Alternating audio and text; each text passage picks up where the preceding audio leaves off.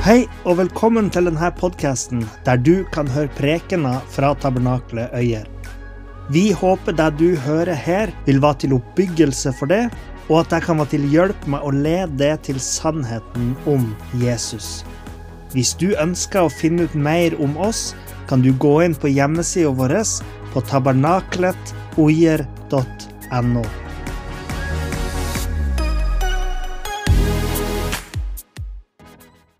Jeg så når jeg jobba med preken min, at eh, jeg fikk ikke plass til alt i en og samme preken. Og jeg ville ikke bruke en hel preken på å snakke om de her spørsmålene som dere flest, eh, altså folk flest her i menigheten har sikkert ikke store liksom, moralske kvaler eller store vanskeligheter med de spørsmålene her. Litt samme som at jeg heller ikke går rundt og kverner på det her. men Eh, men jeg synes at eh, vi bør ta sånne vanskelige spørsmål på alvor. Og når vi går igjennom ei bok sånn som det her, så synes jeg det er viktig at vi ikke bare hopper over ting som vi synes er vanskelig. Fordi at jeg vet at mange har reagert veldig på denne historien om amalekittene, der de, israelittene skal utslette hele folket. Så jeg syns det er fint at vi, vi prøver å ta det på alvor. Og da ble det så godt som en preken til. da. Eh, men det er godt å se at dere eh, har lyst til å høre på meg litt til. Eh, og jeg må jo si at av alle historiene der Gud tar livet av noen, rammer noen hardt eller utsletter et helt folk, så er dette en av de, de, mer vanskelige for oss kristne å forsvare. Og det, det, er ikke noe nytt heller. Dette har teologer tenkt på i, i århundrer. Eh, men, eh, eh, men det her er et av de mer vanskelige. Og for eksempel, så En vanlig uttrykksmåte i Det gamle testamentets tid i, i forhold til krig og, og erobringer og sånne ting, var at eh, folkeslagene i Midtøsten den, eller Den nære Østen på denne tida, de kunne ofte si sånn Vi utsletta alle i Kanan, i Israel, eller hvor de var de angrep, uten at de drepte absolutt alt levende som var i det landet. Men hvis de vant en stor seier, f.eks., så kunne en vanlig måte å, å, si det på når man skrev historien, så sa det de utsletta alle kvinner og barn. alle sammen. Så det var en sånn slags eh, overdrivelse som var litt som at vi sier at sola står opp. Det betyr ikke at sola ligger og sover nedfor horisonten og står opp og så beveger seg oppover.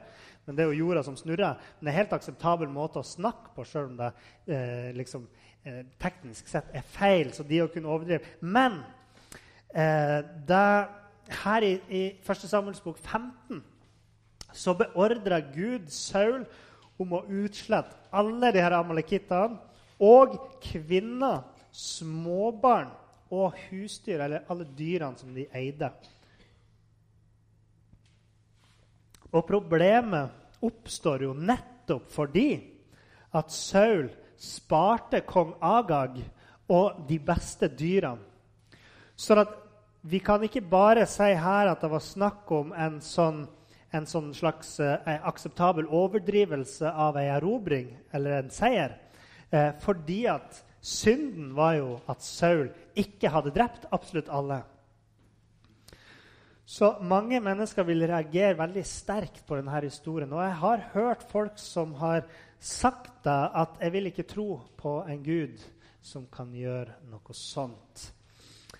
Uh, først så tror jeg at uh, vi er nødt til å erkjenne at dette er ei emosjonell utfordring, uh, først og fremst.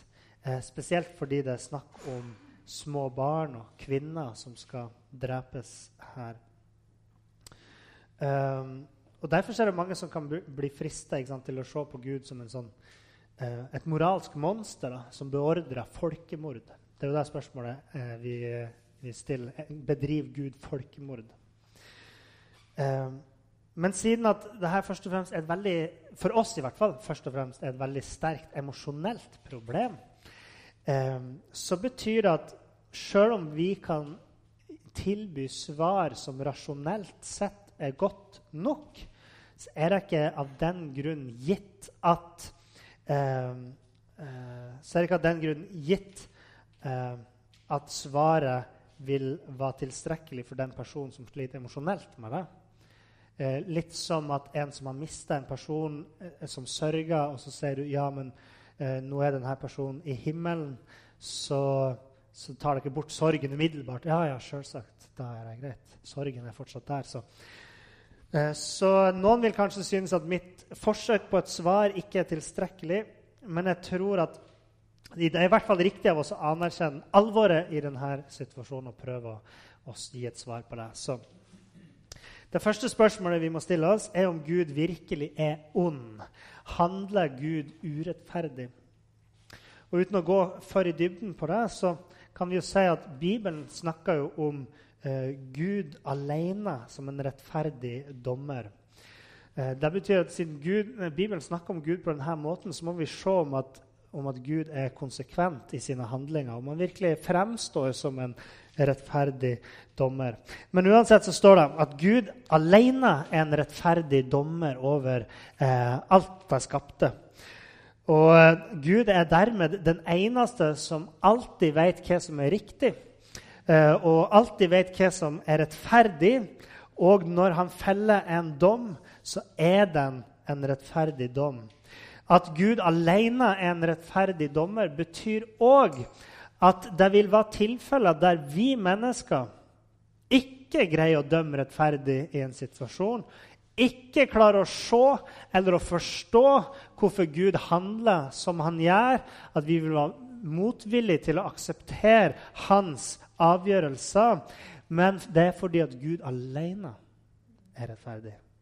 Det vil nødvendigvis bety at vi mennesker noen gang ikke er det. Eh, noen syns f.eks. det høres veldig urettferdig ut at en person som har vært en synder hele sitt liv, kan få nåde av Gud gjennom troen på Jesus, på lik linje med en som har vært en god kristen og en troende hele sitt liv. Og så går de framover mot den samme seier. Eh, men hvis vi ønsker å fortelle Gud hva som er riktig, så gjør vi rett og galt til noe flytende. Noe som Jon Ole syns er riktig, er ikke sikkert det er noe som jeg syns er riktig. Så hvem av oss har rett da? Noe som jeg syns er riktig, er ikke det samme som Olav syns er riktig. Så hvem av oss to har rett? Så det rett og galt blir sånn subjektivt, det blir individuelt. da.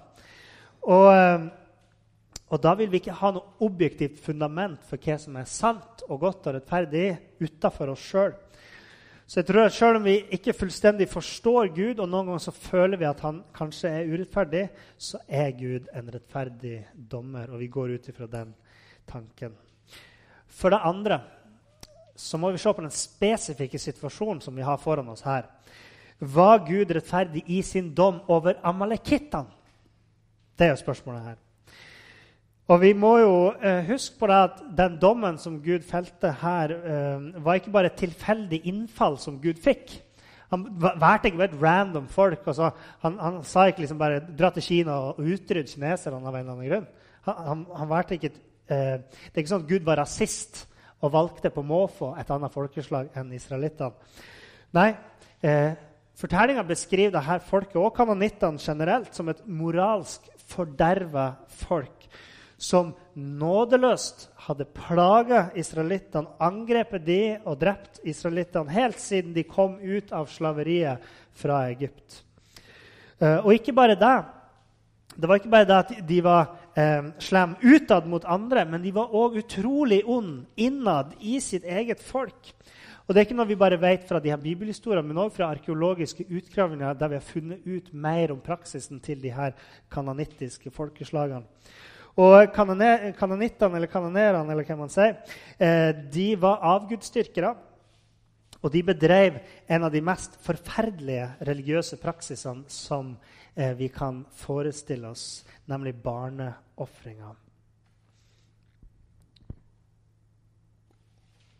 Det de gjorde, var at de eh, hadde en avgudsstatue, f.eks. til en bal eller en molok som da hadde noen hender som sto sånn på statuen.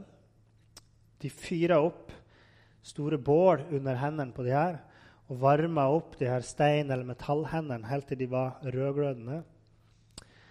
Deretter så tok de spedbarn og la de i hendene på denne guden og lot barnet da steikes i hjel. Jeg beklager at det, det, er veldig forferdelig å beskrive det. Eh, men det er for at vi skal forstå den råskapen og ondskapen som regjerte i de her folkeslagene. Når de ofra barn, så hadde de trommeslagere som sto rundt der, som hamra hardt på trommene sine for å overdøve lyden til barneskrikene, så foreldrene ikke skulle pines sånn når barnet deres ble ofra. Så det var ikke et uskyldig folk vi snakka om her. Det er òg viktig å huske på at i vår tid har vi mye mer sånn individualistiske eh, ja, Vi har en mer individualistisk identitet enn folkene hadde på Samuels tid. De var i mye større grad opptatt av nasjonal identitet enn det vi er. Og eh, Det gjenspeiler seg òg faktisk i hvordan Gud samhandla med menneskene på den tida. Ofte så tok Gud et oppgjør med hele nasjoner i stedet for bare hvert enkelt menneske. Og Vi ser det òg i denne episoden. Og siden dyrene var en del av eiendommen til denne nasjonen, så, så kom dommen òg over dyrene, for de òg var ureine, kan vi si. Men det er òg en positiv detalj her, fordi at Samuel han advarer òg et annet folkeslag som bodde sammen med amalekittene, som heter kenittene. Og han sa til dem hva som skulle komme, og han advarte dem kom dere unna før straffen kommer. Eh, sånn at de kunne slippe unna. Så der hvor Gud dømmer et helt folkeslag, så viser han samtidig nåde mot et helt folkeslag i denne historien. Og I tillegg så må vi ta med i betraktning at Gud hadde vært ganske tålmodig. Fordi 400 år tidligere sant? eh, før denne episoden, og kanskje enda mer enn det òg, så hadde Gud forutsett at de her tingene kom til å skje i 1. Mosebok 15, eh, vers 20-21. Så, eh, så står det at han forutså denne ondskapen til de, og at han kom til å måtte utslette de her folkene. Men han venta til de hadde synda ved sin egen frie vilje så mye at begeret ble fullt. Så Gud så ikke bare framover. Han, han, tar ikke sånn proaktivt og utsletter folk fordi at nei, senere om 400 år kommer du til å synde. Men han venta til at de var så forderva at eh, begeret var fullt. Men på den andre sida så kan det òg tenkes at ved å utslette her folket og noen av de andre folkene eh, rundt Israel, så har Gud både spart utallige mennesker fra sin egen ondskap eh, og spart barna fra foreldrene sin ondskap, men òg fra en forferdelig død.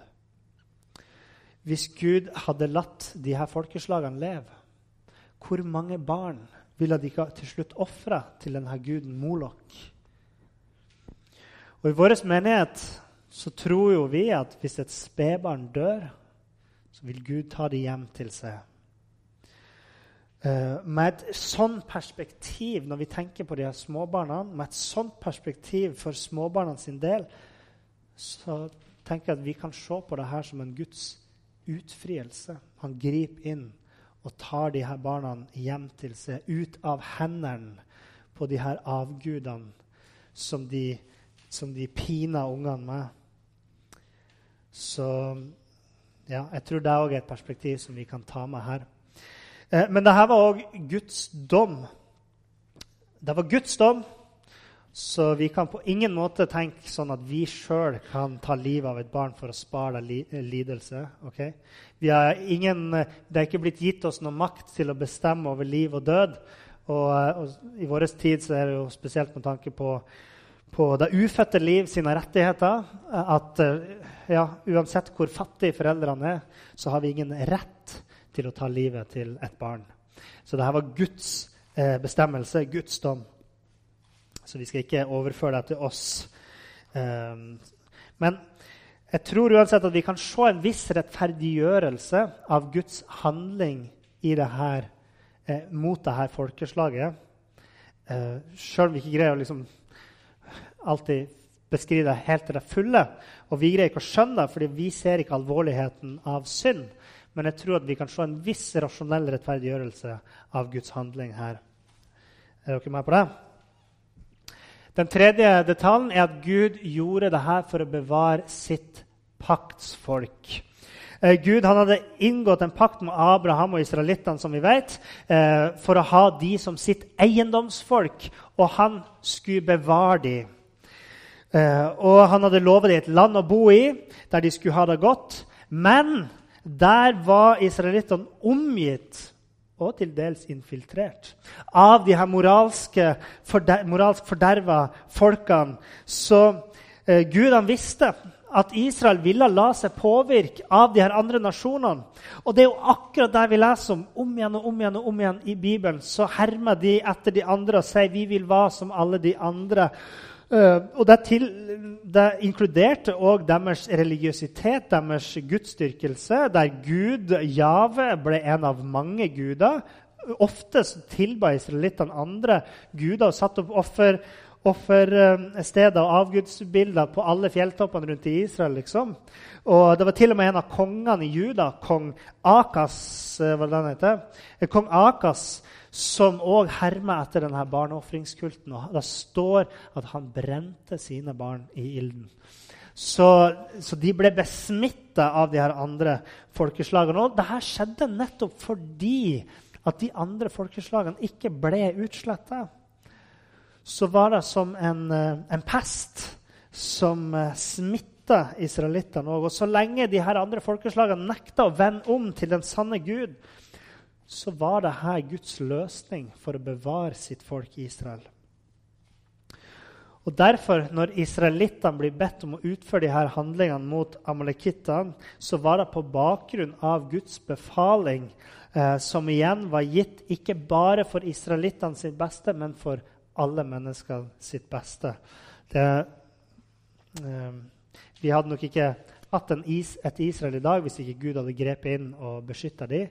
Og vi skal huske på at eh, verdens frelser kom gjennom dette folkeslaget fordi at Gud bevarte dem gjennom alt.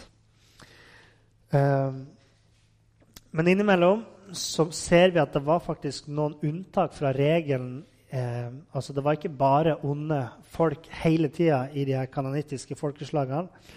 Eh, men eh, vi ser f.eks. den ikke-jødiske prostituerte kvinnen Rahab i den kanonittiske byen Jeriko, som hjelpa israelittene når de kom ut av Egypt og kom ut av ørkenen. Og Hun var villig til å vise godhet mot israelittene, og derfor så viste Gud hun og hennes familie nåde. Eh, og Hun ble tippoldemora til kong David. Og Det er nok ikke uten grunn at hun står nevnt ved navn i Jesu slektstavle. Og Det nye testamentet løfter hun fram som en av troets helter.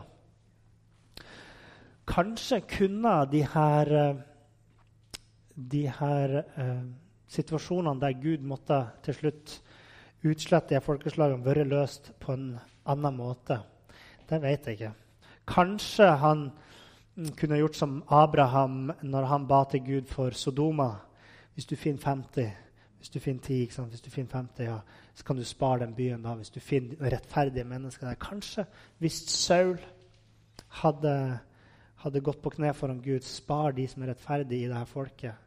Kanskje Gud hadde vist nåde, men der, der står det ingenting om. og der, der blir bare spekuleringer uansett. Men vi vet at Gud han kan vise nåde til de som ber om det. Uh, jeg hørte en evangelist. Han fikk spørsmålet fra en av de i salen. Kan ikke Gud bare fjerne alt det onde i verden? Og da svarte evangelisten noe sånt som det her. OK, hva hvis han begynner med det? Hva mener du med det? Jo, det han mente, var jo selvsagt at eh, alle mennesker har gjort onde ting. Den personen som stilte spørsmålet, har òg gjort onde ting, sjøl om han kanskje var rettferdig i sitt eget hode. Eh, så hvis Gud skulle fjerne alt det onde i verden, hva skulle stoppe Gud fra å starte med han? Hvis han var ond, så kunne Gud ha tatt han og fjerna han fra verden. Han kunne ha fjerna oss alle fra verden hvis Gud hadde villet det. Faktum er at vi er alle mennesker syndere, og ingen av oss har fortjent livet. Og jeg tror at når mennesker møter de her historiene med Gud som utsletta mennesker, tar de vekk fra jorda, fjerner ondskapen, kan vi si, sånn som syndefloden, så opererer vi med et utgangspunkt i tanken om at vi mennesker har rett til livet. Det er en menneskerett, og den kan ikke sjøl Gud ta ifra oss. Sånn tenker vi ofte. At vi har rett til livet, vi har fortjent livet. Uh, Gud burde uh, respektere vår rett til liv. Så det her burde liksom diktere hvordan Gud samhandler med oss. Skjønner dere? At, at når vi leser denne historien det her er forferdelig, Sånn kan ikke Gud gjøre! For de her menneskene hadde vel rett til å leve, de òg, akkurat som alle andre. Men i stedet for så må vi forstå at livet vårt er en gave fra Gud. Han har gitt oss liv. Og det er en nåde at han lar oss fortsette å leve. Eh, for selv om vi ofte undergraver hvor alvorlig vår synd egentlig er, hvor stort et problem vi egentlig har med synd, fordi vi ikke alltid er ærlige mot oss sjøl, så har vi ved vår synd gjort det til Guds rett å ta vårt liv. For syndens lønn er døden. Og våre synd har gjort oss fortjent ikke til liv, men til død. Så i stedet for å se på dette som en historie om en urettferdig og ond Gud, burde vi se på for oss så burde vi se på det som det det er, nemlig en nådig advarsel om hva vi har fortjent. En øyeåpner, tankevekker om hva vi har fortjent. Og eh, Derfor så blir sånne historier relevant for oss òg. For slik kjenner vi alvoret på det livet har å by på. Og Vi burde ikke bli overraska over å høre at fortellinga om verdens frelse Fortellinga om verdens frelse er en historie om liv og død. Og det må vi ikke glemme. Og Uansett så er svaret her 'bedriv Gud folkemord'. Svaret er ja, Gud utsletta dette folket. Men samtidig så kan man ikke kalle det folkemord. Og det er fordi at Gud han myrder ikke folk. Det er ikke mord når Gud tar tilbake det livet han har gitt oss. Fordi ordet mord det impliserer ei moralsk forkastelig handling. ikke sant? Det er jo mord. Drap er en annen ting. Du dreper en elg i, i skogen når du er på jakt, men det er ikke mord av den grunn. Gud drepte de, ja, men han myrda de ikke fordi at Gud handla på en moralsk rettferdig måte. Ok, da skal vi se på spørsmål nummer to.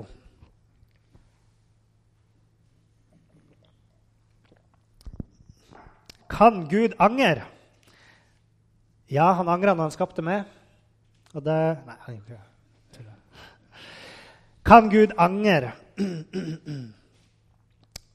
I 1. Samuels bok, kapittel 15, sier Gud i vers 11.: Jeg angrer på at jeg har satt Saul til å herske som konge. Og i vers 35 så sier, han, så sier forfatteren det. Herren angret at han hadde gjort Saul til konge over Israel.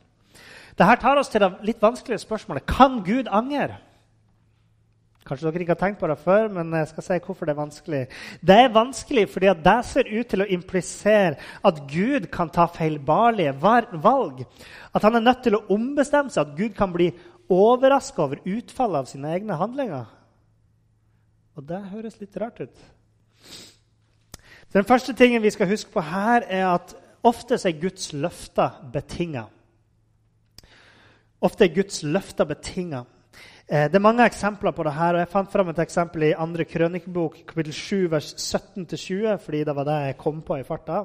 Her sier Gud til Salomo.: Og du, Hvis du nå vandrer for mitt ansikt som din far David vandret Jeg bare leser litt fort det. Så du gjør alt det jeg har befalt deg, så du holder mine lover og mine dommer. Da skal jeg grunnfeste eh, ditt kongedømme, osv., osv. Det er et hvis de gjør sånn, da skal Gud gjøre sånn. Ok? Det er betingelsen. Hvis dere gjør sånn, det er betingelsen på at jeg skal gjøre sånn etterpå. I vers 19 til 20 Eh, men hvis dere vender dere bort og forlater mine lover og mine bud, som jeg har gitt dere, og dere går bort og dyrker andre guder og tilber dem, da skal jeg rykke dem opp fra det landet jeg har gitt dem. Dette huset som jeg har helliget for mitt navn, skal jeg drive bort fra mitt ansikt, og jeg skal gjøre det til et ordtak og et skjellsord blant alle folkene. Så de her løftene her er betinga. Hvis dere følger med, så skal jeg velsigne dere. Hvis dere vender dere bort fra meg, så kommer jeg til å dømme dere.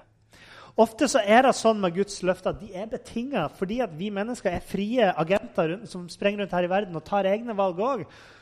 Eh, så, så det her eh, gjaldt jo eh, løftene til Sauls sitt kongedømme òg. Det var noen betingelser for Saul sitt kongedømme. Så Gud sier jo at ja, jeg skal løfte opp Saul og, og gjøre han til, sant, eh, la kongedømmet hans stå til evig tid. og sånt der. Men det er en betingelse.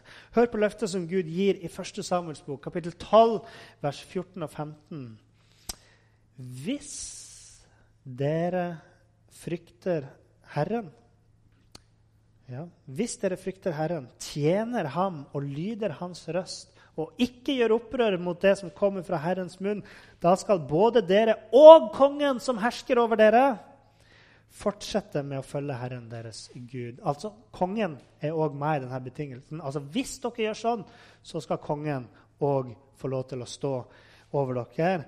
Men i vers 15 Men hvis dere ikke lyder Herrens eh, røst ja, hvis dere ikke lyder Herrens røst, men gjør opprør mot det som kommer fra Herrens munn, da skal Herrens hånd være mot dere, slik den var mot deres fedre. Så Det, det er en betingelse i løftene her til Israel om denne kongen, om Saul. Eh, så der må vi ha med oss at Guds løfter ofte er betinga.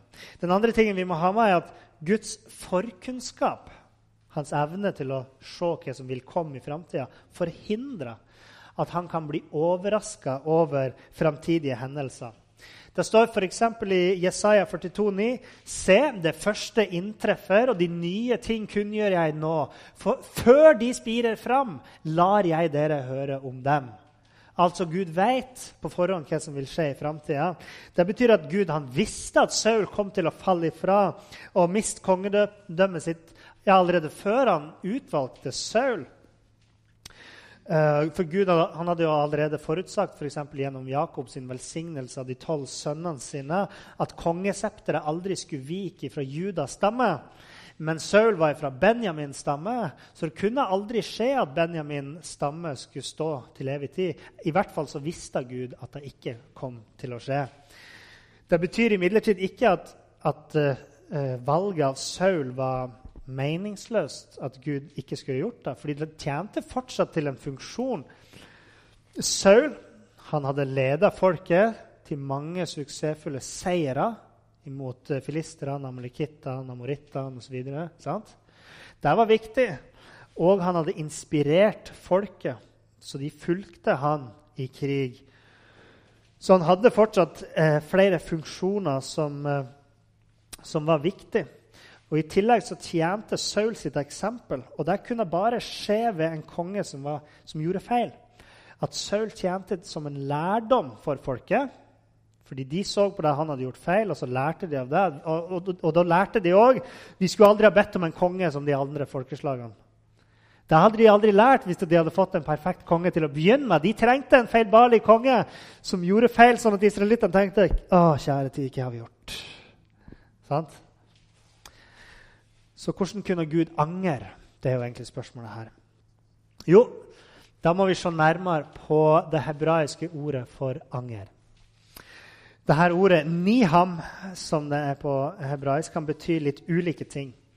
I vers 11 og 35, der det står at 'Herren angrer', der eh, uttrykker ikke dette ordet 'anger' i, i sånn streng forstand. eh, som at uh, å, Gud han sa til seg sjøl at jeg skulle ønske jeg gjorde ting annerledes. Hvordan kunne, hvordan kunne jeg gjøre noe så dumt? For Det er ikke, det er ikke, der, det er ikke den sterke betydningen av ordet anger. Men i stedet for så uttrykker det ordet Du kan gå tilbake en, eh, en slide her nede. Eh, I vers 11 og 35 så uttrykker ordet anger niham en, den mer emosjonelle siden ved anger. Fordi at når vi angrer, så føler vi òg noen ting. Det er ikke bare at vi ser eh, rasjonelt at vi har gjort noe gærent, men vi føler, eh, føler noe. Så her så uttrykker ordet den emosjonelle sida. Altså at Gud var sorgfull over valgene som Saul hadde tatt. Og konsekvensene som de, de valgene ville ha for Israel. Gud så på det med sorg. Eh, så det er ingen endring som skjer i Guds karakter, som gjør at han ombestemmer seg, liksom. Det riktige er å si at det er endringer i Saul sin karakter, Saul sin person, som endrer seg, som gjør at forfatteren av 1. Samuels bok bruker dette ordet for å beskrive Guds skuffelse over Saul. Ok? Men, sier du Der er punkt fire. Men, sier du, fordi du har fulgt så godt med i timen. Hvorfor sier da Saul, Samuel i vers 29 at Gud ikke kan angre? For i vers 29 så står det Han som er Israels herlighet, skal heller ikke lyve eller angre, for han er ikke et menneske at han skulle angre. To ganger sier Samuel at Herren ikke kan eller vil angre. Og to ganger i samme kapittel. De hadde ikke kapittel på den tida, men det her står jo veldig i samme sammenheng. Og to ganger sier de at Gud angrer. Er det en logisk en selvmotsigelse her?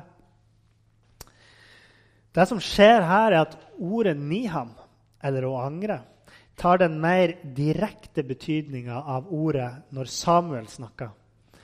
Når Samuel sier det her, så er ordet 'angre' handler om den, den eh, eh, At Gud kan ikke ombestemme seg. Han ombestemmer seg ikke.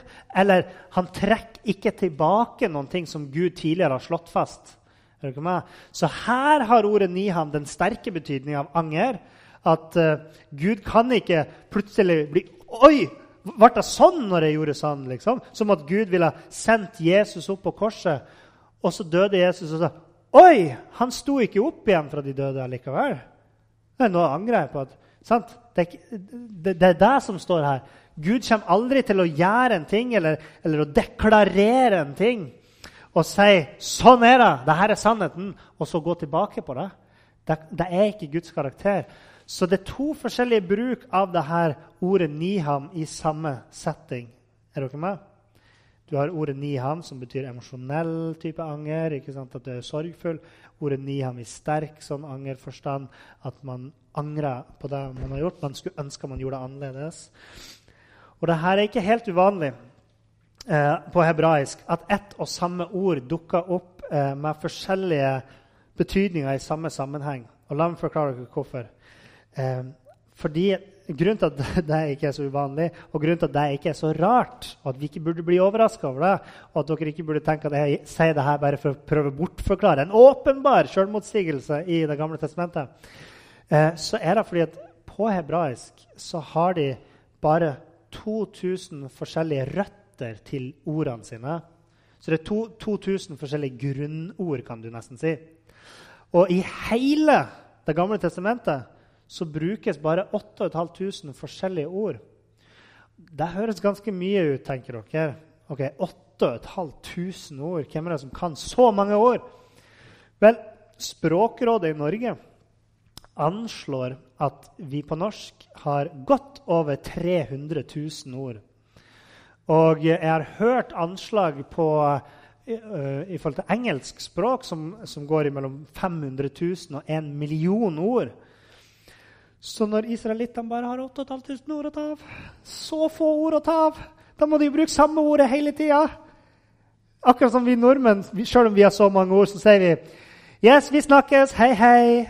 Og så sier vi når vi kommer, Hei, hei det samme ord når vi sier hei og ha det. Men sånn er det, det er egentlig det som skjer her. Det er samme ord som har forskjellig betydning, og det er ikke så veldig rart. Dessuten så ville forfatteren av boka her selvsagt sett den feilen han gjorde når han først skriver at Gud angrer, og så skriver Gud kan ikke angre, og så noen linjer nedenfor skriver at Gud kan ikke, nei, Gud angrer igjen. Så det er ikke en selvmotsigelse her, og det er ikke en feil som har blitt gjort, men det skal være sånn. Det er Saul. Han vender seg bort fra Gud.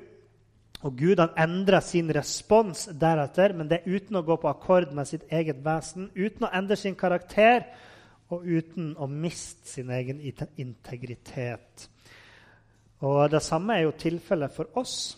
I vårt tilfelle er det sånn at hvis vi omvender oss til Gud, eh, så vil Gud vise oss nåde og frelse oss. sant? Eh, hvis vi ikke vender oss om til Gud, vender oss bort fra Han og synder hele tida, så vil Gud dømme oss. Og det er ikke fordi at eh, Gud er eh, sånn spontan og liksom være det, nå, skal jeg, 'Nå skal jeg dømme, nå skal jeg tilgi'. Men det er fordi det er sånn Gud har sagt at det skal være i vårt forhold med Gud. Venn oss til Han i tillit og tro, så viser Han oss nåde. Fornekt Han å leve i opprør mot Han, så vil Han dømme oss. Så vi òg opplever eh, er i våre egne liv at eh, at Gud han endrer sin respons til oss avhengig av hvordan vi responderer til Han. Så Gud angrer ikke i, i streng forstand. Det er vel konklusjonen i dag. Der runder vi av. Og så håper jeg dere har fått noe å tygge på eller blitt klokere på noe. Og så ses vi neste søndag. Vel hjem.